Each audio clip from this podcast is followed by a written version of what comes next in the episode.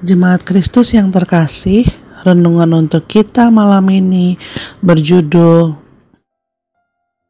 Aku ditopang dan tak pernah ditinggalkan. Dan bacaan kita diambil dari kitab Mazmur 63 ayat 1 sampai dengan 9. Beginilah firman Tuhan. Mazmur Daud ketika ia ada di padang gurun Yehuda, Ya Allah, Engkaulah Allahku, aku mencari Engkau, jiwaku haus kepadamu, tubuhku rindu kepadamu, seperti tanah yang kering dan tandas, tiada berair. Demikianlah aku memandang kepadamu di tempat kudus sambil melihat kekuatanmu dan kemuliaanmu. Sebab kasih setiamu lebih baik daripada hidup. Bibirmu akan memegahkan engkau. Demikianlah aku mau memuji engkau seumur hidupku dan menaikkan tanganku demi namamu.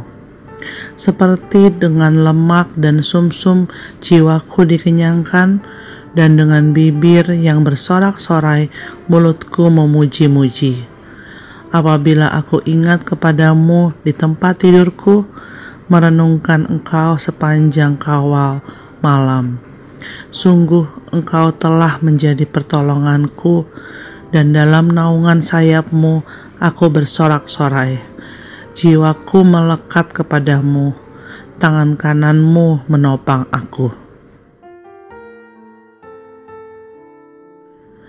Adalah sangat manusiawi untuk bersedih dan meratap di tengah tekanan hidup.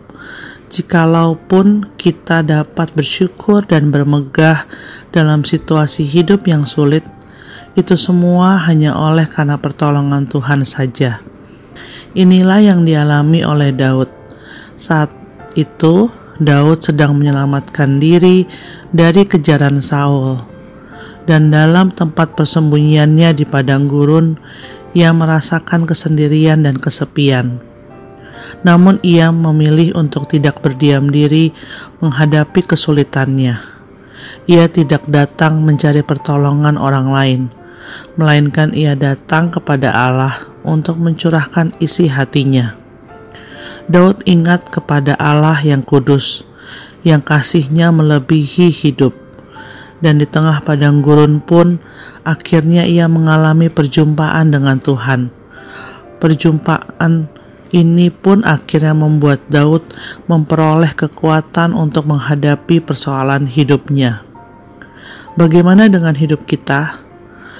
Baiklah, kita dapat seperti Daud, dapat dengan tepat mencari pertolongan dan tetap berada di jalan Tuhan.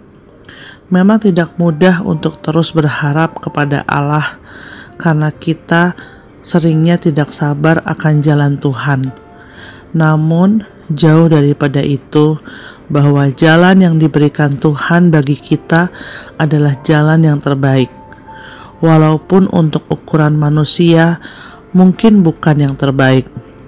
Tetaplah berjalan bersama dengan Tuhan agar setiap hari kita semakin mengerti dengan kehendaknya, agar setiap hari kita dapat semakin mengetahui ke mana kehidupan kita akan bergerak dalam tuntunannya. Dengan begitu, kita akan dapat belajar bahwa Tuhan adalah pengasih dan penyayang yang tak pernah meninggalkan kita.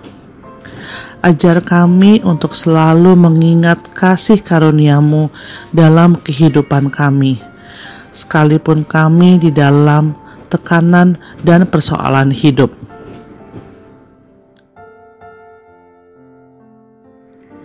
Demikianlah renungan malam ini. Semoga damai sejahtera dari Tuhan Yesus Kristus tetap memenuhi hati dan pikiran kita. Amin. Jemaat yang terkasih, mari kita bersatu hati menaikkan pokok-pokok doa yang ada dalam gerakan doa 21 GKI Sarwa Indah. Mari berdoa.